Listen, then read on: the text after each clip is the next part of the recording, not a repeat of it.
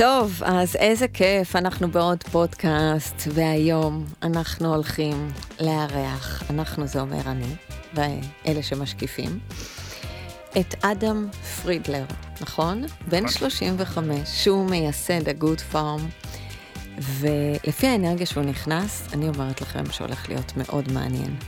אז אדם, ברגע זה הכרנו, קודם כל נעים מאוד. נעים מאוד, נעים, שמח להיות פה.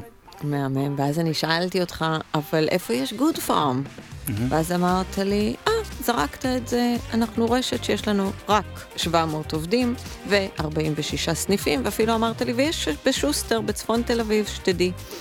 אז uh, טוב לדעת, הולך לספר לי קצת על זה. ומי אתה, ונתחיל שיחה חופשית, בכיף, ונראה לאן זה ייקח. בכיף, בכיף, בכיף. אז זה לא, אני לא מדגיש את שוסטר ספציפית, כי אמרת שאני בצפון תל אביב, בגדול יש לנו סניף גם בצפון תל אביב, אז אה, שוסטר הוא אחד מהם, בגדול אנחנו רשת עם פריסה ארצית, 46 סניפים. הסניף הצפוני ביותר נמצא בנהריה, הדרומי ביותר נמצא כרגע בבאר שבע. יש לנו האמת אה, מספר סניפים בבאר שבע, יש לנו ארבעה סניפים בבאר שבע.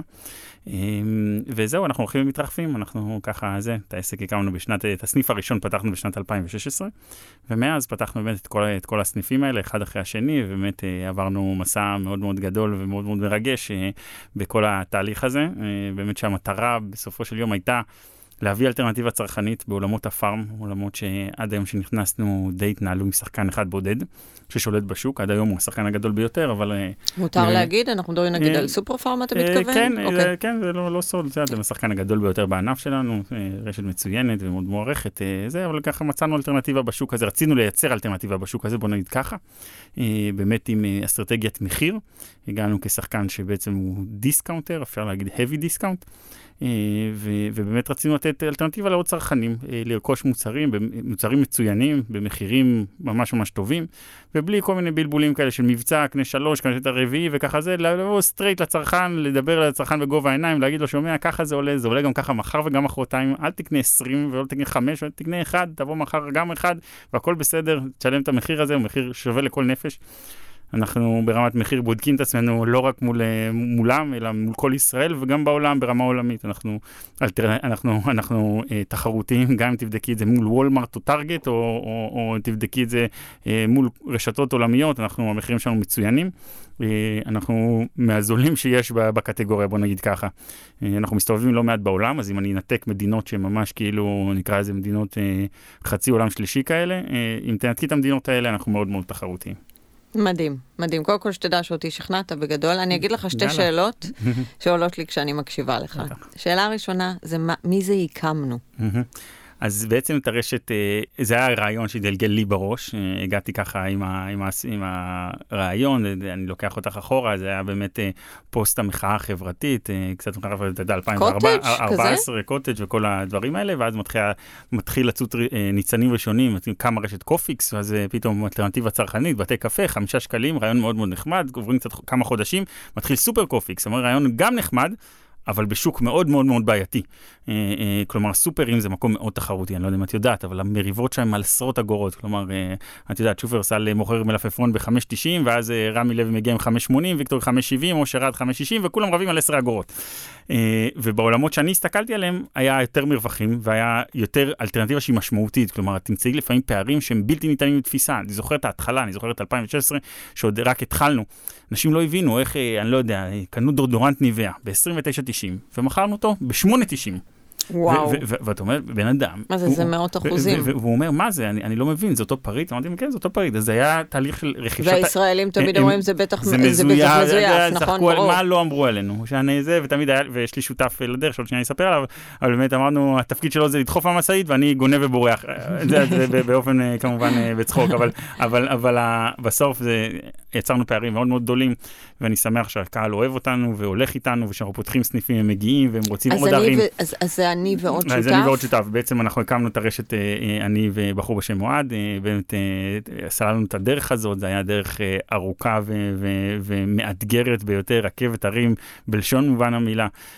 באמת, רגעים שחשבנו שהכל מתמוטט, ורגעים שחשבנו שאנחנו הולכים להיות וולמארט, וזהו, ואנחנו שמחים בחלקנו, באמת היה לנו את המזל, ובאמת את ה, עם כל הדבר הזה, באמת גייסנו קצת כסף בתחילת הדרך, ובאמת פתחנו את הסניף הראשון, שהיה באוגוסט 2016 בתל אביב.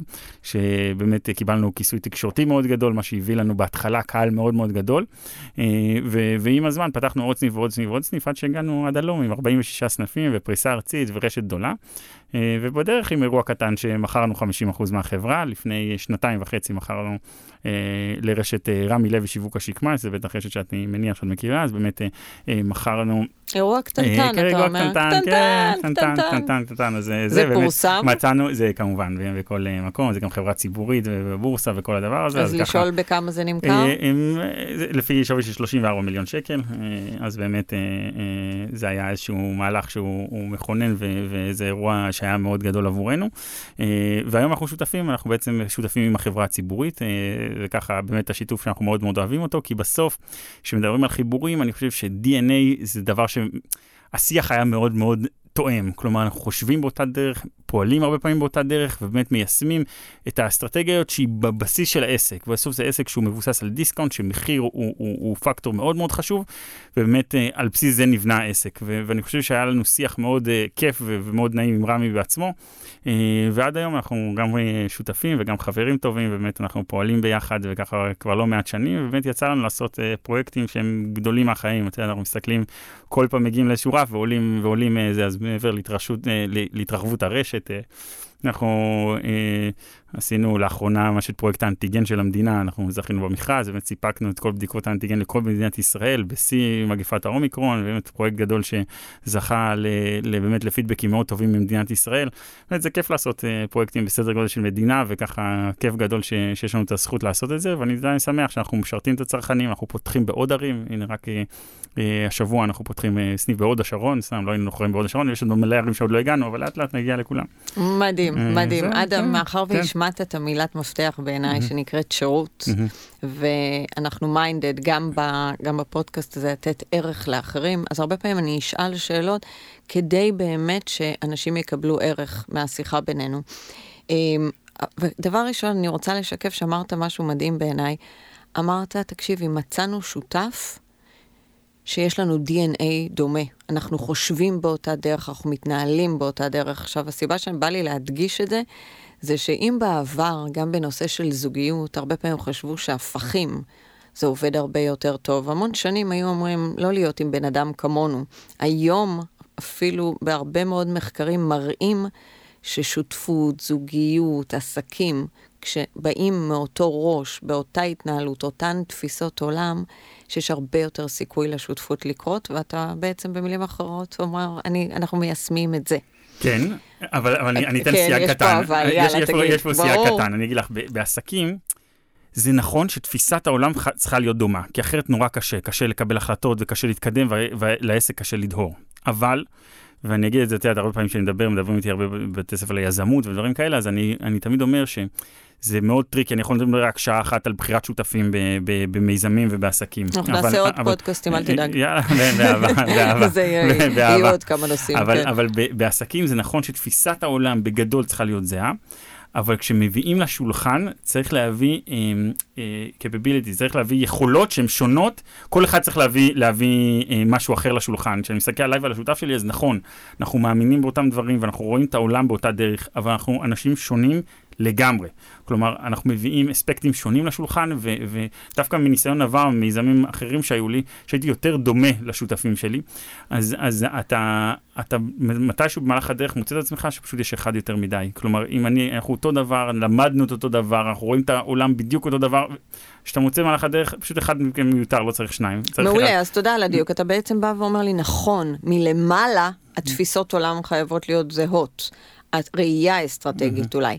אבל בפנים אתה בא ואומר, להפך, אנחנו לא רוצים שיהיה לכולם את אותן יכולות, כי אם בדיוק יש את אותן יכולות, זה יגביל באיזשהו שלב. Mm-hmm. ואתה אומר, דווקא כשכל אחד מביא את המשהו הכי טוב בו, mm-hmm. ויכולות שונות, דווקא אז... נפריד בין אסטרטגיה לטקטיקה. ברמה האסטרטגית זה צריך להיות אליין, צריך לראות שרואים את זה עין בעין, שזה ברמה, מרודים לרמת הטקטיקה, צריך להביא בעצם יכולות שהן שונות לשולחן, כי, כי שהאחד ועוד אחד הזה יצא שלוש. אם האחד ועוד אחד הזה הוא אותו אחד, אז נשארת אפילו עם אחד, אפילו באחד ועוד עם אחד ולא שתיים אפילו. לגמרי, ודרך אגב, גם בזוגיות, מה שאמרתי, זאת אומרת, התפיסות עולם, איך אנחנו רואים את החיים.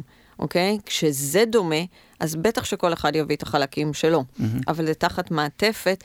לצורך העניין, סתם שתבין, אני מתכוונת, אם יש בן אדם שהתפיסת עולם שלו, לצורך העניין, זה להיות ישר mm-hmm. כל הזמן, שאפשר לייצר כסף בצורה מאוד ישרה, ולמישהו אחר יש תפיסת עולם שאפשר לייצר כסף רק על ידי הרבה אה, טריקים או תחבולות, זה עם הזמן יש התנגשות מאוד גדולה. Mm-hmm. במקום הזה הכוונה שלי. כן. אני, אה, אני, אני מסכים, אני מסכים, עוד פעם, חוויה אישית שלי, אני אגיד, אני לא מבין גדול בזוגיות, ואני לא הייתי לוקח מעצמי טיפים לחיים, אבל, אה, אבל אני, אני מסכים עם זה שלפעמים גם הנטייה הטבעית שלנו ללכת עם אנשים שהם מאוד מאוד מאוד דומים לנו. והבעיה היא, אה, אני מרגיש שהיו לי בנות זוג בעבר שאני והם, זה פשוט שכפול בבן ובבת. הבעיה שאם חסר לך משהו באופן אישי, אני לא יודע, אתה בן אדם קר לצורך העניין. ואם מצאת מישהו שהוא גם הוא קר, אז פשוט הזוגיות לוקה בקרו, כולם קרים, כן? כאילו זה, אז עדיף לקחת בן אדם שעם התפיסת עולם היא אותו דבר, אבל ב... ב, אבל ב, האיך. ב, ב, בדיוק, האיך הוא שונה, ואז הם משלים אחד את השני, ואז נהפך לאחד ועוד אחד שלוש. אוקיי, מעניין. קודם כל מעניין, אבל אני לא יועץ לזוגיות, אני לא מבין כלום, ולא הייתי שואל את עצמי שאלות על זה, אני לא באמת לא מבין כלום. הוא עושה את הכי טוב שאני יודע, ואולי זה מצליח, ואולי לא. אבל חכה, כן, רגע. זה גם עניין של טיימינג הכל בחיים. יכול להיות. השאלה השנייה, שכשהתחלת לדבר, שחיכיתי לשאול אותה, מאיפה יש כל כך הרבה מוטיבציה להזיז כל כך הרבה דברים בגיל 35 ועוד הרבה קודם. כן. אז קצת ספר עליך. מעולה. אז אני אגיד ככה, תראי, את המסע הזה של גוד פארם התחלנו בגיל, אה, אני הייתי אז בן 29, כשיצאתי למסע הזה. אה, ואני חושב שדווקא, כשמדברים על יזמות כזאת, הנאיביות שיש בגיל הזה, היא אולי כלי המפתח. כלומר, אני אומר, אני היום, שאני יותר מפוקח ועברו, אני יודע, 6-7 שנים, אה, אני חושב שאם בן אדם היה מגיע אליי עם הסיפור הזה, שאני הגעתי אז לאנשים ושכנעתי אותם, הייתי חושב שהוא בן אדם הזוי לגמרי, ואני חושב שהחיים, אחרי כל הדריסות ש- שעברתי בשנים האלה, היו הופכים אותי כאילו להרבה יותר סקפטי. אז אני חושב שהרבה מה שמוביל את זה בתחילת הדרך היא הנאיביות הזאת והרצון והחלום הזה שאתה חושב שאתה יכול לשנות את העולם. יופי, אה? אבל מה בך גורם לך בגיל 29 להסתכל רגע ולהגיד, בוא'נה, אני רוצה לשנות את העולם.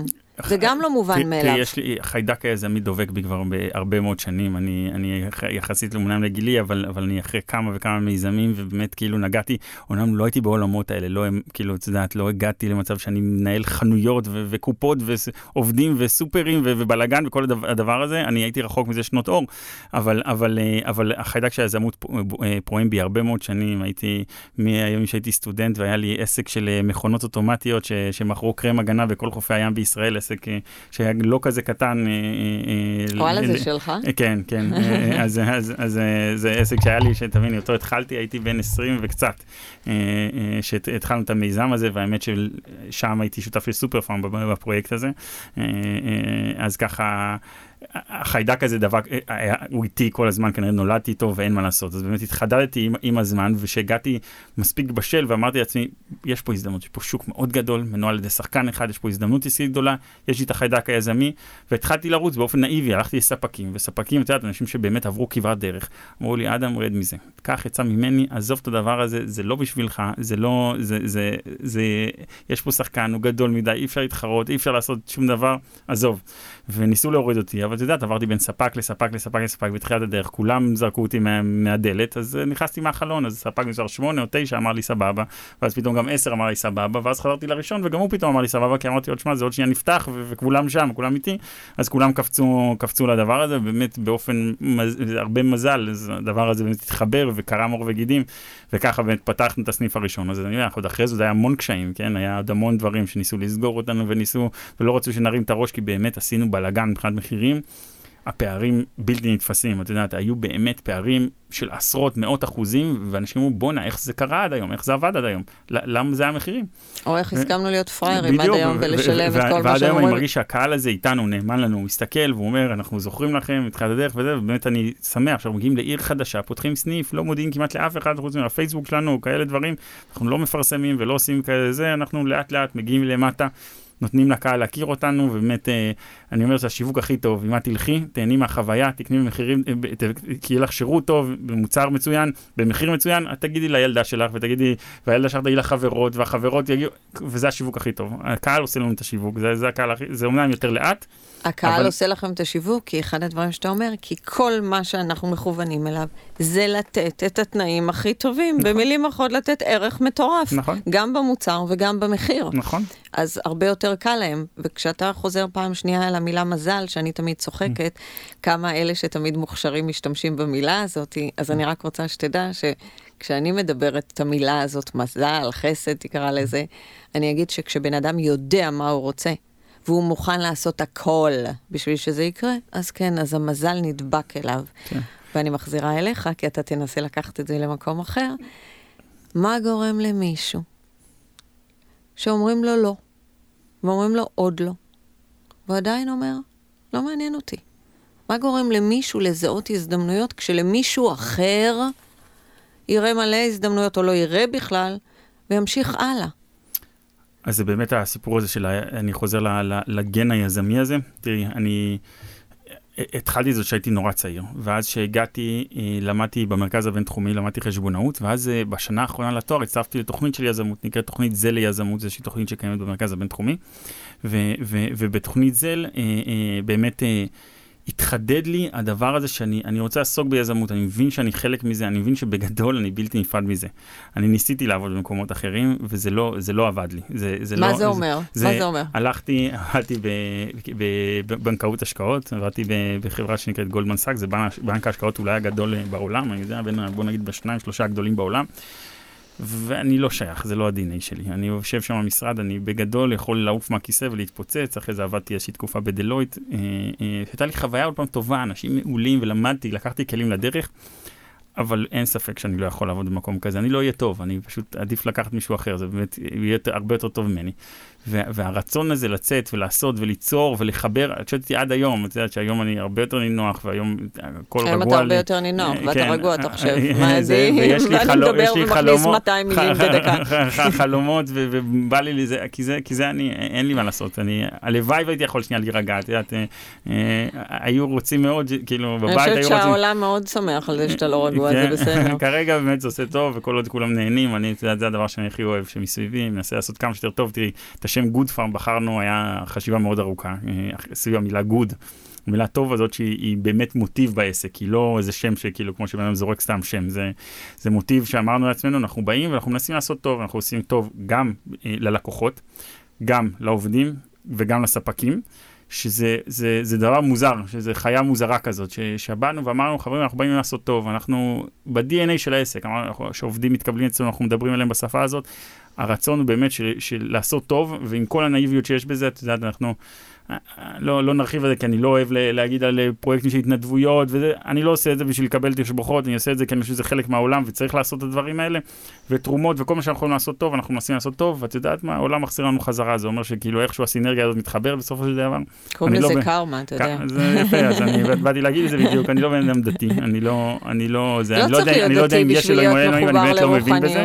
זהו, אבל אני מאמין בקרמה, אני מאמין שתחייך לבן אדם, אני מניח, אם תעשה טוב, אני בטוח שהטוב יחזור אליך חזרה. זה העולם, זה אני מאמין בכוח הזה, אני לא יודע, קוראים לזה אלוהים, אז יכול להיות שזה אלוהים, אבל, אבל עבורי זה ה... לעשות טוב לאחרים, וחוזר אליך הטוב הזה, אני חושב שזה איזושהי משוואה שקשה לי מאוד להאמין שאנשים יחלקו עליה. אה, ומה ראית בבית? אם אני אשאל אותך, אה, מאיפה אתה בא בבית? מה היו המודלים שלך? אז, אז, אז זה מוזר, כי אני מגיע ממש מעולם מנותק לגמרי. יש לי אבא רופא. ו, וואלה, וכן, ו, רופא ו, למה? אה, אבא שלי הוא להפריה חוץ גופית, אבא שלי גינקולוג ומנהל מחלקה עד לא מזמן, בעצם יצא לפנסיה, אבל, אבל, אבל זה כאילו ככה... אבל הוא היה שכיר. כן, מאוד מאוד שמרני. ואימא שהייתה קרייריסטית, כאילו מגה קרייריסטית כזאת, עם דוקטורט, ומנהלת מחלקת חינוך פה ושם וככה זה. אה, אבל, אה, אבל אימא שלי כבר לא בקו הבריאות כמה, כמה שנים טובות, אז ככה, אז, אז היא פחות הייתה מעוררת בלופ של כל ההחלטה הזאת של גוד פארם. אבל אה, באמת, זה לא שקיבלתי ליווי בבית, זה אמנם דור אחד לפני, אז זה באמת מגיע מאנשי עסקים וסוחרים, כאילו סבא שלי היה נחשב מסוחרים הגדולים במדינה, זה, אבל יכול להיות שהגנים הגיעו משם. אבל, אה, אבל בגדול זה לא משהו שספגתי בבית, ו, אבל מגיל צעיר אני, לא מאוד, אני. מאוד, אני מאוד מאוד עצמאי, אני מגיל מאוד צעיר מאוד עצמאי, כי אני לצערי גדלתי במשפחה מאוד מפולגת, שכולם כל היום בריבים וזה, והייתי צריך להצ- אה, להסתדר בכל מיני אה, סיטואציות לבד כל הזמן. אה, וגם בגיל נורא צעיר העבירו אותי, אה, מי גדלתי בתחילת החיים במבשרת ציון, ואחרי זה יותר מאוחר בחיים עברתי להרצליה, פתאום באמצע החיים ניתקו אותי, ו- וחברים, ו- ופתאום בוקר אחד אתה מתעורר בשעה נסיעה שאתה בן 13, צריך למצוא ולהסתדר מחדש הכל מאפס. אה, בגלל אה, גירושים? בגירושים וכאלה. אז, שכשאתה ש- בערך בגיל ש- 12, 13? הם התגרשו עוד קודם, חיו קצת במבשרת ביחד, ואחרי זה אימא עוברת ל- להרצליה, ואז צריך לעבור להרצליה עכשיו וזה, ולשנות חיים פתאום חדשים, ואז זורקים אותך למים בגיל 13, שכבר יש לך חברים, ואתה כבר בן אדם בגיל 13, ואתה צריך להסתדר הכל מההתחלה, ואת יודעת, כל הדברים האלה בחיים, אבל מכינים אותך, את יודעת, אחרי זה להסתדר עם כל דבר, אני מאוד עצמאי מגיל מאוד קטן. אה, ו- ויכול להיות שזה דברים שהכינו אותי לחיים, את יודעת, אני לא, לא ישבתי לנתח את זה אף פעם, אבל אני מניח שאם אנחנו מדברים על זה, אני מניח שזה מגיע משם. אין ספק שתדע שאחד הדברים הכי חשובים, מדד לחיים, זה היכולת הסתגלות שלנו כבני אדם. אם תשים לב, אנשים שמאוד מתנגדים לשינויים, הם בדרך כלל יגבילו את הצמיחה שלהם. תמיד, תמיד, יש גם הרבה היגיון בזה, mm-hmm. כי עצם ההתנגדות למשהו מייצר אנרגיה אה, מאוד מכווצת. Mm-hmm. ואתה אומר, אני לא לקחתי את זה לשם. לי יש כוח הסתגלות מאוד גדול כתוצאה מהחיים שעברתי, ופה אני כן אשאל אותך, אבל גם יכולת להיות ממורמר. כי כשאתה אומר, זה מכין את כולנו, אני אומרת, לא. אותם דברים קורים, יש מישהו שייקח את זה לבנייה והסתגלות מאוד מדויקת, ויש כאלה שיקפאו, מה שנקרא, וכתוצאה מכל השינויים האלה יגידו, אז אני לא רוצה, ויקחו את זה להימנויות. אני מסכים איתך, ואני כאילו כל פעם שנתקל בכל מיני סיפורים כאלה, את יודעת, כל אחד עם המשקל שלו בחיים, ואני אומר, תשמעו, לכל אחד יש בעיות. אני לא מכיר מישהו שהחיים שלו הכל חלק והכל זה, זה כולם... וזה בחירה, זה בסוף עניין של בחירה, והאמת שיכול להיות שיש גם איזה מרכיב אישיותי, כי אני רואה שלאחיות שלי במקביל אליי, בוא נגיד, היה יותר קשה ההסתגלות במקום, במקומות חדשים, אז יכול להיות, את יודעת, נולדתי עם ביטחון עצמי מאוד גבוה, אני מכיר את זה בי, אני יודע שאני, את יודעת, נכנס לחדר, אני לא רואה אף אחד, ואני כאילו מאוד מאוד בטוח בעצמי, ויכול להיות שזה גם אחד הדברים שעזר לי להסתגל, אבל אני תמיד כזה, אני גם רוצה לראות את החיים באופן אופטימי, אני מעדיף לראות את החלק הוורוד ולא את החלק השחור, ויש חלק שחור, זה חלק מהחיים, אני מודע לזה שיש המון קשיים והמון דברים, ולא הכל ורוד, אבל אני מעדיף להסתכל על החלק הוורוד יותר, ויכול להיות שזה איזושהי תכונת אופי, ובאמת, היה לי עוד פעם, אני אשתמש עוד פעם בביטוי מזל, אבל באמת שכל מקום שאליו הגעתי, הגעתי להרצליה, אז מהר מאוד התחברתי עם האנשים המקובלים, וקיבלו אותי לשכבה, והייתה לי חברה יפה, ו- וזה, והסתובבתי, והכל היה, והכל האיר לי פנים, אבל זה מין מזל, אני לא יודע, מזל, את יודעת, הגעתי, כנראה התחברתי לאנשים הנכונים, ברגע הנכון, ו- ואיכשהו זה קרה. כן, ואתה אומר, אבל תוך כדי אני עובר הרבה מאוד מקומות פחות נעימים במשפחה, הרבה בהחלט, מאוד מה. בהחלט, הרבה מאוד בתי משפט ודברים שאת יודעת, סיפורים מפה עד, עד, עד תאילנד ברמת ריבים ומשפחה, אני חושב שאני אני בספק אם יש עד היום בית דין לדיני משפחה, שם שלא תיק, תיק שלא גדול, תיק גדול? מהתיק שלנו, אני, אני מניח שלא קיים, אבל, אבל. אבל את יודעת, אלה, אלה החיים, את יודעת, אתה, אתה לומד ואתה צומח מזה, תשמעי, אני זוכר, הסתדרתי, אני זוכר, מגיל קטן, בתי משפט, מה לא עברנו שם, איזה, מגיל קטן הייתי צריך להיות עצמאי מאוד. אה, ואני אני שמח על זה, את יודעת, היום זה, את יודעת, זה כלים שצרבנו בדרך, כאילו, שלקחנו בדרך. באמת, אבל בתהליך, ההורים היו פחות מחוברים, את יודעת, אני זוכר את היום ש, של המכירה, היום שחתמנו על העסקה, ואמרתי, בואנה, מחר זה מדווח בבורסה, אז התקשרתי לאבא שלי, אומר לו, אבא, תקשיב, מחר יכול להיות שחברים ידברו איתך וזה, זה מחר מתפרסם, וכל העיתונים והחדשות וזה וזה, ושכאילו מכרנו את החברה, וכאילו ככה זה, וככה כסף ועניינים. ואז כאילו, זה, אני מספר, אז הוא אה, אתה שומע, אני פה עם פציינטים, אני זה, אני חוזר אליך, כאילו, זה לא זה, בסדר, את יודעת, אבל אה, הכל טוב, אז את יודעת, אה, לא נורא, הכל הכל מצוין. טוב, לא נורא, כי הייתי רוצה שהוא יגיב אחרת. לא, בטוח, לא יודע, כאילו, תראי, זה ממש דרך שהוא הגיב, הכל טוב, אני יודע, אנחנו, אני מאוד אוהב אותו, והוא קרוב לליבי, ובאמת הוא חלק אה, מרכזי מחיי, ובאמת אה, בלב שלם, אבל אה, בסדר, את יודעת, יש לו עולם משלו, והוא שונה מאוד מהעולם שלי. את יודעת, אני מסתכל, אני, אני בקשר מאוד קרוב עם רמי, עם רמי לוי, אנחנו חברים מאוד טובים, וזה וזה, והוא כאילו כן מלווה אותי בדרך, ואת יודעת, אז, אז השיח הוא שונה, את יודעת, כאילו, על אף שהם בערך, בערך בגיל של אבא שלי, כן, אבל... אבל הוא יותר מתחבר ליום שלי, השיח איתו הוא אחר, כי כאילו, אה, אה. כן, ואני גם שומעת חומר, ומה, את יודעת, קורים לי דברים. אני בהחלט לא באה שכולם ישמעו ממציאות קלה, ממש לא, להפך. אני באה ממקומות רגשיים לא פשוטים בכלל, כי להיות עד לכל מיני דברים כאלה במשפחה זה משהו שהוא מאוד מכביד. אבל אתה אומר, אבל משהו בי גם יודע לעבור הלאה. אני לא נתקע. אני שומעת אותך אומר, אני לא נתקע. כן, הייתי רוצה כנראה, אני לא אומר את זה פה, אבל שאבא שלי קצת התלהב. אבל אני גם לא, אני גם לא מסכים להכניס את זה פנימה ולתת לזה להרוס לי. בהחלט. אני רוצה לדעת אם זה נכון. בהחלט, בהחלט, אני מתחבר לזה, מתחבר לזה לגמרי. אה, אבל אמרתי לך, אני לא, אני לא בן אדם שיסתכל אחורה, את יודעת, גם היום שואלים אותי, את יודעת, שואלים אותי על העסקה עם רמי לוי היום, כי זה נורא גדל, אנחנו, אנחנו לפחות פי עשר, כאילו, בשווי ממה שהיינו אז, אם לא יותר, אבל שואלים אותי, אתה לא מצטער שמכרת? אמרתי, אני לא מצטער, מה שהיה מאחוריי נגמר, לא מצטער על שום דבר שהיה בעבר, מסתכל על הפנים קדימה, מסתכל על... טוב לי בחלקי, אז הכל בסדר. אתה יודע, אין לי, אני לא, אין לי חרטות, זה לא, אני לא בן אדם כזה, אני לא מסתכל אחורה, אני בראייה קדימה, וזהו, מה שהיה מת ונגמר, מסתכלים קדימה. מדהים. מדהים. אתה אומר, זה היז, היזם שבי, אני ממשיך הלאה. כן. אני, אני באמת לא נתקע. ואתה אומר, חלק, אם אני שומעת פילוסופיה של חיים, אני לא, אני לא מתעסק בכלל בחרטות. זה, זה... מה שהיה היה, אי אפשר לשנות את ההיסטוריה. האמת שתדע שאני מאוד מזדהה איתך. את העתיד אפשר לשנות, את העבר לגמרי. אפשר לשנות, אז אין טעם להתעסק בזה, זה פשוט מיותר. אה, אני לא יודע שלא לומד לפעמים, ואת יודעת, הדרך מחספסת אותך, וזה, את יודעת, פעם היו, הייתי, את יודעת, אנחנו מעסיקים הרבה עובדים, לפעמים יש לך עובדים שסורחים, גונבים, זה, זה, הייתי נגמר מזה, לא הייתי ישן, לא הייתי ישן ימים ולילות וזה, ולמדתי לחיות, את יודעת, למדתי לחיות עם זה. שיש גם אנשים רעים, וזה חלק מהחיים, ו- ולא צריך לקחת את זה באופן אישי, ואי אפשר לחיות אם אתה כל היום רק מתחרט, ואתה אומר למה לקחתי אותו לעבודה, ולמה שמתי אותו פה, ולמה... אלה החיים. אתה גם עושה טעויות, וצריך להתקדם, ולהסתכל קדימה, ולא לאחורה. אני אומר ש... אני בטוח שמסתכלי על הרבה מאוד אנשים מצליחים בחיים, זה אנשים שמסתכלים קדימה, ולא כל היום דשים בכישלונות ודברים כאלה, אין מה לעשות, זה חלק מהחיים, פשוט אתה נכשל גם, ואתה גם טועה, מי שעושה טועה. נכון, זה כאילו אנחנו יודעים את זה, כאילו כולם יודעים את המשפט הזה שאין מה לעשות, זה חלק מהחיים, והחיים הם לא רק טובים, אני הרבה פעמים אומרת, יש אנשים שרע להם, אז הם מתנהלים באופן mm-hmm. מסוים.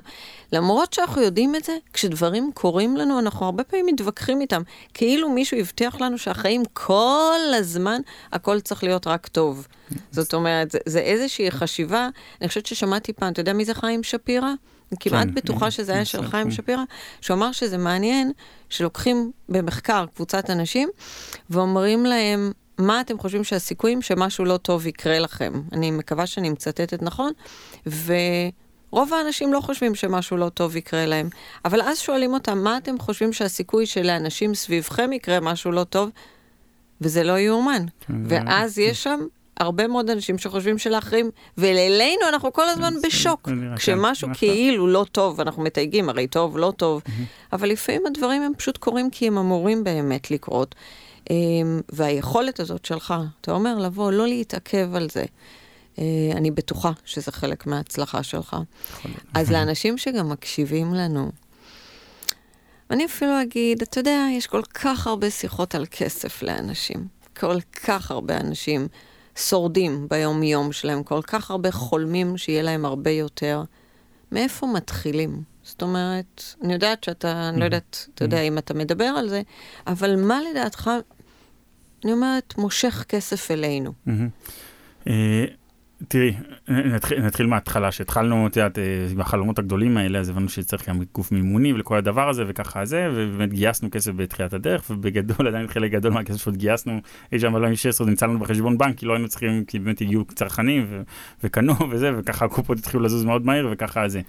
אה, אה, תראי, אני לא אשקר, אני אגיד לך, כאילו, כסף זה, זה כלי, והוא כלי נחמד, והוא, והוא כיף, וכיף שיש אותו, ואת יודעת, היום שעברו השנים, והמצב הרבה יותר נינוח ממה שהוא היה פעם, אה, כאילו, את יודעת, זה, זה לא סוד, את יודעת, אנשים רואים, וכל מה שמדווח בחוץ, וזה וזה, היום החיים שלנו הרבה יותר רגועים ונינוחים. אבל, אבל בסוף אני כאילו, אני מסוג האנשים שאני אומר, את יודעת, זה, זה, זה, זה אחלה אה, אמצעי, אבל זה לא, זה לא מהות הכל, וזה רחוק מאוד מלהיות מהות הכל. אה, אה, זה, מצד שני, אני חייב להגיד גם שמעולם לא הייתי במצב, בחיי, אף פעם, שאין לי, שאין לי, ואז יכול להיות שכל השיח והדיבור הוא לא נכון והוא משתנה ו- ו- וככה זה, אני לא הייתי במצב כזה בחיי. אה, אבל אני אומר לך מהצד השני, שחולמים בסוף, שמגיע הכסף הגדול, שקורה משהו לחיים, לא קורה כלום. הכל אותו דבר, זה בעיקר נשאר כמו כתבות בעיתון, ו- ו- ויותר אנשים שמתקשרים אליך שרוצים תרומה או משהו כזה, אבל בגדול, בגדול החיים הם אותם חיים, אתה ישן על כרית אחת, נוסע באוטו אחד, ואוכל שלוש ארוחות ביום, לא ארבע, זה לא, זה לא משנה כלום.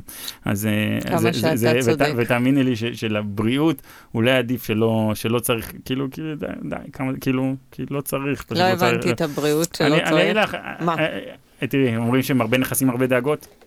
ואתה... אני יכול להתחבר לזה, אני יכול להתחבר לזה, ככל שאנחנו גדלים יותר ויש יותר, זה, תשמעי, זה שואב המון, זה שואב מהאנרגיה, מהאנרגיה הנפשית, מהנפש, זה, זה, זה מלחיץ, ואתה נוסע על הכתפיים, תשמעי, אנחנו אנחנו מעסיקים כל כך הרבה אנשים, את כל המשפחות שלהם על הגב, וזה מלחיץ, אתה, אתה, זה, לפעמים אתה הולך לישון, עם, זה, זה מלחיץ מאוד, יש הרבה כי אתה אנשים בעצם שנסמכים עליך. מבין, בדיוק, אתה באמת מבין את גודל האחריות. זה אחריות מאוד גדולה, ו- ו- ו- ויש הרבה צרות והרבה הרבה אה, כל מיני דברים לא נעימים שקורים בדרך, ויש לך נכסים פה ונכסים שם, וצריך את ה... זה, זה, זה הרבה, יש הרבה הרבה, אז אני אגיד, אני לא... אני לא מתלונן, את יודעת, הכל בסדר, את יודעת, אבל יש לזה, את יודעת, יש לזה מחירים. אה, אה, כן, אבל תאמר, אבל חשוב לי שישמעו אחד שהאשליה הזאת, שכשיהיה מלא מלא מלא כסף, תנ"ך, אז מה. שקורה לנו, כלום, כלום, אני מכיר, אני אומר לך, אני מכיר ואני נפגש על בסיס יומי. עם האנשים של ה top העליון, של אה, מ- 120 האנשים העשירים במדינה, אני, אני נפגש על בסיס, אני אומר, יומי שבועי, עם הרבה מהם. אני אומר שאף אחד מהם לא בחוף הים, ואף אחד מהם לא הולך ורגל על רגל ונהנה מהחיים. אה, אבל אני, אגב, יש לי גם ביקורת, אני חושב, ש, אני חושב שאחד הדברים שאני מבטיח לעצמי שאני אעשה לא עוד הרבה זמן, זה לעשות את האיזון הזה ב-work-life balance קוראים לזה. אני, אני מבטיח לעצמי שאני אהנה ואדע ליהנות מזה ו- ואדע לחיות חיים נורמליים ולא את הטירוף שכאילו חייתי בשנים האלה או זה, אני, אני לא רוצה לגמור את עצמי ואת הבריאות שלי אה, על הלחץ והסטרס הזה. אני, אני, אני, אם אני אאחל לעצמי משהו, אז אני אאחל לעצמי לדעת לעשות את האיזון הזה. האיזון הזה הוא דבר שלדעתי מאוד מאוד חשוב ומאוד חשוב אה, לדעת לחיות איתו, אה, וזה נראה לי לא כזה, לא הרבה יותר פשוט מאשר בכלל ליצור את ההון הזה, זה לדעת לחיות אחרי זה כמו היה נורמלי, את יודעת, אני הרבה פעמים אומר לרמי בפה מלא, שאני חושב שהוא חי חיים נוראים, ושהוא כל היום בלחץ, מתעצבן מכל דבר קטן וזה, אני אומר לו, רק שבוע, שבוע הייתי בחו"ל, שבוע שעבר, אמרתי לו, עלינו במעלית וראיתי אותו מתעצבן מאיזה משהו יחסית זוטר, אמרתי לו, חיים, תסתכל על עצמך, תגיד לי, זה שווה את זה? בחייאת דינק, תגיד לי, מה, מה זה? אבל תשמעי, זה אופי, קשה מאוד לשנות, בעיקר נראה לי בגיל יותר מבוגר, זה דבר שמאוד קשה לשנות אותו. נכון, אה, ובוא אה, נגיד שהוא גם לא יושב פה, אז אנחנו, נכון, אני שמה אותו רגע יאללה, בצד, נכון, בסדר, אבל... אה, אבל השאלה הזאת, אם זה שווה את זה, זאת שאלה שעולה לך? אמ, בהחלט, בהחלט, הרבה פעמים, ובעיקר כש... כש- בעיקר מתי? כש... את יודעת, יש את הסיפור עם הילדים בבית, יש לי שני ילדים קטנים מאוד, ואת יודעת... אה, רגע, אה, רגע, אה, כן, רגע, רגע, כן, לא, כן, אני אה, ממש אה, לא כן, יודעת, כן, ופספסתי אה, את זה לגמרי. יש לי שני ילדים קטנים, שמאוד, אה, שכאילו, את יודעת, רגע, יש לי שני ילדים קטנים כתוצאה מנישואים. שהתגרשתי, לא, לא, לא, לא, אז לא, לא, לא, אה, לא, לא, תסביר לא, לי. לא, לא, לא, אני התחתנתי בדיוק, אה, שהקמתי את העסק, התחתנתי בשנת 2016, אה, אה, אז אה, התחתנתי ממש, אה, הרי את הסניף הראשון פתחנו באוגוסט, התחתנתי במאי באותה שנה. אה, ו- אישה אמיצה, אתה אומר. אישה אמיצה, יכול להיות שהיא לא ידעה, אני, אני תמיד אני אומר, היא לא הייתה מפוקחת, נראה לי, לא, היא לא הבינה לאן היא נכנסת לטורנדו הזה, היא נוטה להגיד לי את זה לא מעט גם, שכאילו עם, עם כל הדבר הזה היא הייתה מודעת אליו, אז, אז לא, לא יודע איך זה היה מתפתח. אה, אז באמת, אה, ו- ומאז נולדו לנו שני ילדים, ויש לנו שני ילדים קטנים בהפרשים נורא, נורא, נורא קטנים, ילדה אחת אה, קצת פחות מגיל שלוש, ועוד אה, ילד בן שנה וחצי. אני מכירה את זה מעולה. זה כן, זה פערים קטנים שמאוד קשה לתחזק אותם, ואת יודעת, הרבה פעמים שאני רואה אותם גדלים, ואני רואה מילה ראשונה וצעד ראשון, ואני הרבה פעמים לא נמצא, כי אני, את יודעת, יש לי לחץ מאוד גדול, ו- וככה, וגם כשאני נמצא, וזה חלק מעולם היזמות, אני לא באמת נמצא, ו- וזה אחד הדברים הכי, כאילו, שאתה עובד איפשהו, אז לפחות שאתה בבית, אתה בבית, ואתה יכול להתרכז במשהו אחר. אם אתה שכיר, אתה זהו, מתכוון. כאילו, כן, שכאילו, אין, אתה, אתה לא נושא את זה עליך כל הזמן. אני לא חושב שאני יכול להתנתק מזה לרגע. את יודעת, גם כשאני בשבת וגם כשאני בחופש, לכאורה בחופש, את יודעת, אני לא בחופש באמת. וזה אחד המחירים שהם משלמים. ו- ו- ואת יודעת, הרבה פעמים אני שואל, האם זה שווה את זה? האם כאילו... ועוד על הרקע שאני גדלתי במשפחה כזאת שהיא כזה מפוררת ו- ולא באמת מאוחדת וזה, ואני שואל את עצמי, האם אני רוצה גם כזה דבר? אז מאוד חשוב לי שנאכל ביחד ונשב ביחד, ואני בעצמי לא תמיד מצליח להגשים את זה, אבל לשמחתי אני די צעיר, ו- ועוד יש לי גם עתיד אה, די, אה, יש לי הרבה שנים לפניי, ואני מקווה שאני אצליח לאחד ולחבר את הדברים האלה, אבל אה, ככה... אבל אתה אומר, זה הרגעים שהשאלה הזאת עולה מול באמת הפספוס הזה, או לראות באמת שאני רוצה את זה יותר מחובר. מהמם. ואתה אומר גם מאוד יפה, דווקא בגלל שלי לא היה את זה, מהמם. זה משהו שכן חשוב לי, ולפעמים אני מפספס רגעים מאוד, מן הסתם, חשובים עם הילדים, ואז אני שואל את השאלות האלה, כי במילים אחרות אתה אומר לי, מעיין, אני אף פעם לא יודע להירגע. כן, ואני גם בעוד בית בבית, זה הסיפור של אימא שלי, שאימא שלי הייתה ספורטאית על, ויש את קריירה וזה וזה, והיא לקתה במחלה מאוד קשה, והיום היא לא מתפקדת באפס אחוז תפקוד, אפס אחוז תפקוד, בגיל נורא צעיר. וואו. ואתה אומר לעצמך, בואנה, החיים שלה הסתיימו בגדול, היא חיה, היא נושמת, אבל היא לא באמת חיה. ובגילאים של 50 וקצת, ואתה שואל את עצמך, בואנה, אני... לאן אתה רץ? כאילו, אם אתה לא תהנה, מה... בשביל מה? אתה יודע, זה נגמר ב-50, מה זה אוטוטו? מה זה 50? מה זה כלום? זה, מה זה 50? זה כאילו כל... אני הראשונה להגיד לך, אין לך מושג כמה מהר זה עובר, זה קרוב, אני מבין, אני מבין, אני חוגג יום הולדת אחרי יום הולדת, אני מרגיש שזה עובר איזה יומיים ומגיע לי עוד יום הולדת, ואתה אומר, לאן אתה רץ? כאילו, בוא, אני חושב, אני אומר עוד פעם, ליהנות מהדרך ומהחיים, זה לא פחות מה, מה, מהפן המקצועי, ואני אני מאחל לעצמי שזה, אם אני צריך לדעת לעשות שינוי ואת ה stop הזה, הלוואי ואני אדע לשלב את החיים שלי ככה בצורה כזאת, אה, אני באמת מאחל לעצמי, הלוואי, זה יהיה פסגת החלומות שלי, שאני אדע שאני נהנה מהדרך לא פחות מהתוצאות. זאת אומרת, עוד חמש שנים, אם אני שואלת אותך איפה אתה רוצה לראות את עצמך, קח רגע נשימה. אה, מה אתה חושב שהיית עונה? אני הייתי כן רוצה שבפן העסקי, שהעסק יהיה יותר גדול, יתרחב, ניגע ביותר ביותר צרכנים, נדע לתת מענה יותר בתי אב בישראל, באמת בפריסה ארצית גדולה רחבה, ועם עוד ורטיקלים של פעילויות עסק, עסקיות מעבר לסניפי הריטייל של גוטפה. זה מהפן הזה. מהפן האישי, הייתי רוצה לדעת לעשות לי שילוב של כאילו, של ללקט את המשפחה, ו... ו, ו לדעת ליהנות, כאילו לדעת לצאת לחופשות ולהתנתק ולעשות את הדבר הזה, כי לא יקרה כלום, כי לא, ממש לא יקרה כלום. אה, הייתי עד אחרי המבצע האנטיגן הזה שסיפרתי לך עליו, שבאמת ניהלנו את כל הדבר, היה סטרס אדיר. הגעתי לאפס, לאפיסת כוחות. הגעתי, אני זוכר, ישבתי על הרצפה, נרדמתי על הרצפה בבית שלי. כאילו, הגעתי איזה לילה, ישבתי על הרצפה, נרדמתי על הרצפה. קמתי ממוטט, והלחץ הנפשי הזה הרג אותי, פשוט אה, זה הרג אותי, תבין, כל המדינה חיכתה, לאף, לאף בית בישראל, למדינה עצמה לא היה בדיקות, והבנתי שהמטוסים שאנחנו עכשיו חתמנו עליהם והם בדרך לפה, הם, הם יביאו למדינה את מה שהם צריכים. את יודעת, המטוסים נחתו, בנט בא, זה היה באינסט, באינסטגרם שלו, והוא צילם את זה ואמר כאילו זה הכל הגיע, וזה, תבין, זה הכל היה עלינו, על הגב ש... הכל זה גוד פארם? הכל זה גוד פארם. וואו. אה, היה לנו, היה לנו שותף פה, שותף שם, היה לנו כל מיני כאילו פרטנרים לדרך הזאת, בגדול הובלנו את כל התהליך הזה. ואני זוכר את הסיום, אמרתי לשותף אני, תקשיב, אני יוצא לפנסיה, אני לא, אני לא יכול לעשות את זה יותר, זה גדול עליי בתשע מידות, אני לא רוצה את זה יותר לזה. לא ואז למזלנו החלטנו שעושים, אחרי הפרויקט הזה נגמר, לפני איזה חודש וקצת, ויצאנו לחופש, שבוע שלם התנתקנו במקום שאין בו קליטה, אי אפשר זה זה, ואני מרגיש שחזרתי אז רעב יותר ממה שהייתי לפני. אבל השבוע הזה איפס אותי לגמרי, שאומר, הייתי במצב שאמרתי, אני, אני לא רוצה יותר לשמוע, אני לא רוצה יותר עסק, אני לא רוצה יותר כלום, אני רוצה לנוח, לא רוצה יותר, אני לא רוצה לעבוד יותר, זהו. אני פשוט לא רוצה, וזהו, עכשיו השתניתי ועכשיו בא לי עוד פעם הכל. דרך אגב, זה מדהים זה... בעיניי, כי אני רוצה להגיד לך שגם ברמה האישית שלי, שהיא מאוד שונה כמובן mm-hmm. מהמימדים שאתה מדבר עליהם, אבל אחד הדברים שהבנתי בשנה האחרונה, זה שבאינטנסיביות של כל השבוע, אם בסוף שבוע אין את ההרפאיה הזאת, הבריאה הזאת, אין בעצם עצירה לשום דבר. ואז התחלתי ארבע פעמים השנה לשמור שבת. בדיוק מהמקום הזה. כי אני זוכרת את הפעם הראשונה שאמרתי, מה, אני אעביר שבת שלמה בלי פלאפון, בלי מחשב, בלי כלום, בלי איזה טלוויזיה, לא אכפת לי, אבל מלא דברים אחרי. וזה היה כל כך מטורף שאחרי 25 שעות שהייתי בלי פלאפון, לא התחשק לי לפתוח אותו. מדהים. אבל קמתי ביום ראשון עם אנרגיה אחרת לגמרי. מדהים. אז אני מאוד מתחברת. מדהים, את יודעת שהרבה שואלים אותנו, אנחנו, הסניפים לא פתוחים בשבת, וזה לא היבט דתי. אה, לא, לא יודעת את זה. ואני אומר, חברים, צריך לעצור את המערכת, צריך לתת לכולם לנשום זמן אוויר. וזהו פשוט לתת, אין, לתת סטופ למערכת. אפשר בלי סוף. לפתוח, אפשר, אפשר לפתוח בשבת, אפשר לפתוח 24-7, אפשר, אפשר. אבל עדיף לתת למערכת לנוח, ושאנשים ינוחו והכל יהיה בסדר, ואין לזה סוף, אתה מבין? אין לזה סוף. אתה צריך לשים את העצירות האלה, ואני מבטיח מדי שנה לפחות לעשות את החופשה השנתית הזאת ולהתנתק ולעשות את זה כל שנה באמת כדי, ש, כדי שיהיה יותר נעים ויותר נוח, ושזה יהיה גם ססטנבילי, כאילו... אני, אני כאילו חושב ש, שפשוט אתה נשחק, אתה יכול להישחק למוות, כן, לא, אין, כאילו, פשוט אין לזה סוף, אם תעשה 24 שעות אחרי 24 שעות. אגב, כשעבדתי בתקופה הזו בבנקאות השקעות, את רואה אנשים שם יום ולילה, את יודעת, היינו הולכים היום, השעה הכי מוקדמת שיצאתי היה שתיים בבוקר, הכי מוקדמת. אתה מבין, נראה לי שש בבוקר זה אבל כזה חמש, שש בבוקר, ואז אתה הולך לישון שלוש שעות וחוזר. אנשים בתחום הזה עובדים כמו פסיכים, כאילו אין, זה באמת הענף הכי מוזר שראיתי.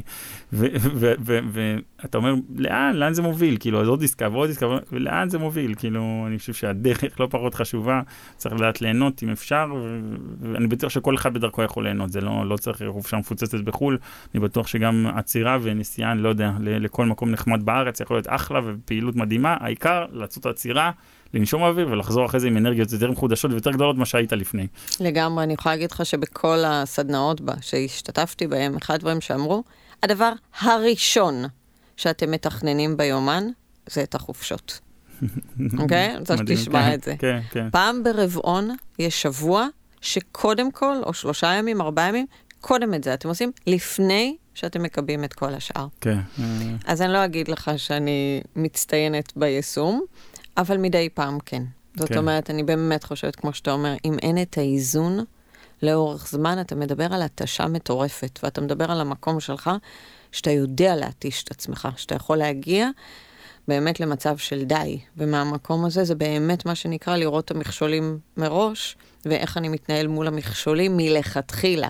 כי הרי אם היינו מדברים עסקים, היית מראה לי את כל הנקודות שזה יכול לקרות, mm-hmm. המכשולים או האתגרים תקרא לזה. אבל אנחנו אמורים להסתכל גם עלינו, ולהגיד מה עלול להכשיל אותי. בהחלט. ולייצר לי את החזון שאני רוצה לעוד חמש שנים. בהחלט. אז אני אומרת את זה, אני בכל זאת לא. באה מעולם האימון, אז אני חייבת, אתה יודע. לא, זה, אני אומר, זה התרביב של אשתי, תמיד אומרת לי שאני אוהבת כבר להכין את החופשה, הבאה תוך כדי החופשה הנוכחית, כאילו שיהיה כבר את היעד הבא, את המשהו לצפות לו ואת הדבר הבא, ואני מתחבר לזה, אין לי, בעיה. היום, תראי, הייתי פחות מחובר לזה עד לא מזמן, אבל עכשיו אני בהחלט מבין גם את הצורך וגם את הרצון וגם את הציפייה, זה דבר מאוד מאוד כיף ונחמד שקיים, אה, אה, ופחות אה, ראיתי את זה אז, כי אז, את יודעת, כשהייתי בתחילת הדרך, זה היה הכל טירוף ורק להספיק עוד ועוד ועוד ולדרוס וזה. עכשיו אני רואה בהחלט את הצורך גם לנשום אוויר וגם באמת אה, לא, לקחת את הזמן לעצמך ולהגיד זה בסדר, ואת יודעת, אני מוצא באופן מוזר, אבל לא כזה מוזר, לא יודע אם זה כזה מוזר, אבל, אבל אני מוצא את הזמן של השקט הזה. מתי אה, באמת? אה, אה, אה, אני אז החל- החלטתי לפני שלושה חודשים בערך, שאני בימי רביעי, אני לא נוסע למשרד. שאלתי את עצמי, אה, אה, עבור מה העסק משלם לי? ו- כאילו עבור מה הם משלמים לי בגדול? אני, לתפעול יהיה אנשים טובים ממני. ל- ל- להפיק חשבונית פה ולעשות גבייה משם יהיה יותר טוב ממני. ואני חושב שהעסק משלם בשביל לחשוב, ואם אם התפעול היומיומי והשחיקה היומיומית בעצם קורעת אותך, אז אתה לא עושה את, את, את מה שבשבילו אתה טוב לעסק. ואני חושב שמה שאני יכול להיות הכי טוב לעסק זה זמן לחשוב. ואני חושב שהרעיונות הגדולים, ואפילו גם הפרויקט האנטיגן שסיפרתי לך שהוא היה ענק בכל סדר גודל, מתי הוא קרה לי? כשהייתי בחופשה בצפון עם המשפחה. נסעתי לחופשה, פתאום היה לי זמן לחשוב. ו- ואז אמרתי, טוב, איך אני מהנדס את זה? ועשיתי את המהלכים הנכונים ש- שהובילו אותנו לאן שהוביל אותנו. אבל, אבל ה- בסוף ה- ה- ה- אני חושב שזה מאוד חשוב לעשות את העצירות האלה. ו- ו- ואת כי רק הן באמת מאפשרות רגע את ההתבוננות. מהמם. זה כמו שהרבה פעמים אנשים אומרים שאם בן אדם עובד כל היום, אין לו אף פעם זמן לעשות כסף. נכון, כסף לא נכון, עושים נכון. מזה שאתה כל הזמן עובד. נכון. נכון? נכון, נכון. כי אז אין זמן. לא ואתה. אומר, אני יכול לראות את זה גם במקום הזה שבן אדם כל הזמן פועל, אוקיי? אז אין לו שנייה רגע את האוויר מהמם. להסתכל רגע מלמעלה, ואתה. אומר ששם מגיעים הרעיונות הכי טובים, אני מאוד מאוד מסכימה. מהמם. אני גם מכירה מישהו מאוד מפורסם, שאני לא אדבר עליו כרגע, אבל אני כן אגיד שגם ביומן, אם דיברנו על תכנון, יש לו רובריקות של פעם בשבוע זמן קבלת החלטות. מהמם. ותחשוב איזה גאוני זה, שהוא אומר את כל, הצ... את כל ה... ויש לו עסקים מאוד גדולים, הוא אומר, אני לא מתעסק, אבל אני מרכז את הכל לזמן הזה של קבלת החלטות, ששם אני לא עושה כלום חוץ מלחשוב איך אני פותר בעיות. אני מתחבר לזה אז, חבל אה, הזמן, אני מתחבר לזה חבל הזמן. אה, זה... יש ימים, נגיד, אה, אדם, עכשיו, בימי רביעי, אני כאילו עכשיו זמן, אני חושב, בימי רביעי אני חושב, אני בגדול לא רוצה לעשות פגישות, לא רוצה זה, אני, אני הולך לחשוב, אני זה, ואני חושב שזה בסוף היום שהכי אפקטיבי, אני אולי לא נמצא במשרד, אבל זה היום שהכי אפקטיבי לעסק. יש ימים שאתה קם ואומר, לא בא לי? יש ימים כאלה, אני לא יכול להגיד שלא, אה, וזה, וזה רכבת הרים, התחלנו מזה, ואמרתי לך שכל המסע הזה הוא רכבת הרים, ולפעמים אתה עם תחושה כזאת, לפעמים אחרת, ואני גם בן אדם מאוד אמוציונלי, אני בן אדם בד... הרבה מהיום שאני עצבני, ואני כאילו, יש לי, אני מונע המון מרגשות, ולכן גם לפעמים אני קם ברגשות האלה ש, שלא בא לי, אבל, אבל בוא נגיד שרוב הזמן, ברוב רובו של הזמן, יש לי חלומות גדולים. אני חושב, אני רואה עתיד גדול לעסק ולאן שאנחנו הולכים ובכיוון שאנחנו עושים. באמת שזה כיף לי, אני אומר לך שזה מרגש אותי, יודעת, שאני רואה בן אדם הולך ברחוב עם שקית של גוד פארם, זה עושה לי שמח, אני כאילו אומר בואנה עשינו משהו, כאילו זה, זה, ואת יודעת שזה תפוצה ארצית, את יודעת, לא מזמן נסעתי ל, ל, ל, לחתונה במצפה רמון. ובדרך אנשים עומדים, עונים, הייתי על לא יודע אסף, אני לא יודע, בר, לא יודע רהט, לא יודע, ואנשים עומדים, משפחה שלמה עם שקיות של גוד פארם בצד הדרך, אני רואה אותם, אני אומר לך, אולי חמש שקיות, אמרתי, טוב, מישהו הכין לי פה פרסומת, זה, זה, זה, אבל, את יודעת, זה מרגש אותי, את יודעת, אני אומר, אנחנו עושים, אנחנו עושים דברים גדולים, וזה כיף לעשות את זה, ובגלל זה אני אומר לך שיש לי עוד חלומות גדולים, אז, אז יש לי רגעים שאני אומר, לא בא לי, אבל בוא נגיד במרבית הזמן אני חולם איך אנחנו מתקדמים ומה אנחנו עושים מחדש עוד ואיך אנחנו מחדשים ואיך אנחנו תמיד צעד אחד לפני המתחרים שלנו, שזה המטרה. בסוף אה, יש לנו איזושהי טכניקה ודרך להתפתח ולהגיע לאן שהגענו, כי, כי אנחנו זריזים, דינמיים, יודעים לזוז, לזוז מהר, ויודעים לראות צעד אחד לפני, וזה באמת אולי הכוח של העסק שלנו היום. ואני שומעת אותך אומר, גם אם אתה לא משתמש במילה שאני אשתמש בה, אתה אומר, מן, גם בימים שלא בא לי, ויש מלא כאלה, אתה אומר, אני לא אשקר. אתה אומר, יש משהו בשליחות הזאת שאפילו מרגשת אותי. חד משמעית. כי לספק לאנשים, אני אגיד אה, שוב, מהמקום, את התנאים הכי טובים. אתה אומר, לא סתם בחרנו את המילה good, mm-hmm. לתת את השירות, לדבר לאנשים באופן מסוים, אה, להציע good, אוקיי? אתה אומר, זה משהו שמרגש אותי mm-hmm. עד היום. Mm-hmm. בהחלט, אז יש לנו, גם לפעמים אתה מקבל פידבק מהסביבה, אנחנו מעסיקים אנשים בעלי מוגבלויות בסניפים. וזה כיף, את יודעת, אני לפעמים שומע משפחות שמדברות על זה, ואומרים איזה כיף כאילו שאתם נותנים, ואת יודעת, אנחנו לא מבקשים לא מטבות מהמדינה ולא זה, אנחנו לא רוצים, אנחנו לא עושים את זה, למרות שמגיע, לא רוצים, אנחנו עושים את זה מטוב, אני חושב שזה טוב לחברה, זה טוב לעובדים, זה טוב, לכולם זה טוב, זה רק עושה טוב. אה, ואת יודעת, לפעמים אתה רואה משפחה כזאת, שזה, אתה אומר כמה כיף זה עושה, ואתה אומר איזה כיף זה לעשות, לתת את האפשרות שאפשר לתת להם לעשות את זה, איזה כיף זה, כאילו, אתה אומר זה שווה הכל. זה אני דווקא כן אקח מאבא שלי, אתה יודע, אבא שלי שהוא מתעסק בהפריה חוץ גופית, זה הרבה מאוד, אה, זה, ואני אני הרבה פעמים מדבר על אבא שלי, שהוא רואה, אתה יודע, אני מדבר איתו על עסקים ועל החיים ועל כסף ודברים כאלה, וכאילו, את יודעת, שאבא שלי מסתכל עליי היום, את יודעת ש, שאני כאילו יותר, אני... אני, אני יותר עשיר ממנו, בוודאי. לא, אני זה, אז, אז, אז, אז את יודעת, אבל הוא אומר לי, תשמע, את, את, את, את הפשן הזה של להגיד לזוג עכשיו שיש להם תינוק, אחרי שהם ניסו כל כך הרבה בדרך, ואני לא יודע, אין איזה מחיר, ואני אמרתי לו, אבא, יש מחיר שאני קונה ממך את הרישיון רפואה? והוא אומר לי, אין, תביא לי מיליארד, אני לא רוצה. אני, אני, זה הדבר שאני הכי אוהב לעשות בעולם, אם לא את זה, אין טעם לכלום. ואת אומרת, זה לא כסף וזה לא כלום, ואז את אומרת, מה זה אהבה למקצוע, את יודעת, זה, זה, את יודעת, זה, זה אני בהחלט לומד ממנו, הוא מסתכל על זה, והוא אומר, איזה כיף זה להתקשר לזוג, ניסו הרבה, הרבה זמן, ועכשיו באיזושהי הפריה הצליחו להיכנס להיריון. בואנה, יש דבר יותר גדול מספר לזוג כזה, כזאת בשורה, אני לא בטוח שיש כסף בעולם שיכול לקנות את התחושה הזאת, זה לא... בול, אה, בול, זה... את הסיפוק הזה, את הסיפוק, אני אומרת, ההגשמה הזאת, להיות שותפים, אני יודעת את זה מהעולם שלי, okay. אוקיי. שבאמת, הרבה מאוד אנשים יבואו ויגידו, השתנו לי החיים, השתנו לי, אבל זה לא עוד משפט. זה רגע לעצור ולהכניס את זה פנימה, כי זה זכות מטורפת כן. להשפיע על כל כך הרבה אנשים בעיניי. כן. ובאמת להיות מסוגל או מסוגלת, אה, לצורך העניין, להיטיב עם החיים שלהם, זה כל כך לא מובן מאליו. בהחלט. יואו, אדם, מסמנים לי פה שאנחנו צריכים לסיים, כן. ו... אבל אל תשדאג, אני שמעתי תוך כדי על מה אנחנו עוד יכולים להמשיך לעשות בהמשך את הפודקאסטים. אני רוצה להגיד לך, מעבר לתודה, אבל אני כן רוצה להגיד, כשהקשבתי לך, שמעתי אותך מדבר על יכולת הסתגלות, שהחיים כיוונו אותך לזה, אבל גם שלמדת לקחת את זה למקום מאוד נכון. שמעתי אותך מדבר על זה שנורא חבל לבזבז את החיים ולהתחרט. ולשאול שאלות what if, מה שנקרא. שמעתי אותך מדבר על כמה זה מרגש וכמה חשוב לעשות טוב בעולם הזה. אה, מאוד, אני אגיד, מאוד מובן לי למה אתה איפה שאתה. מאוד מובן לי.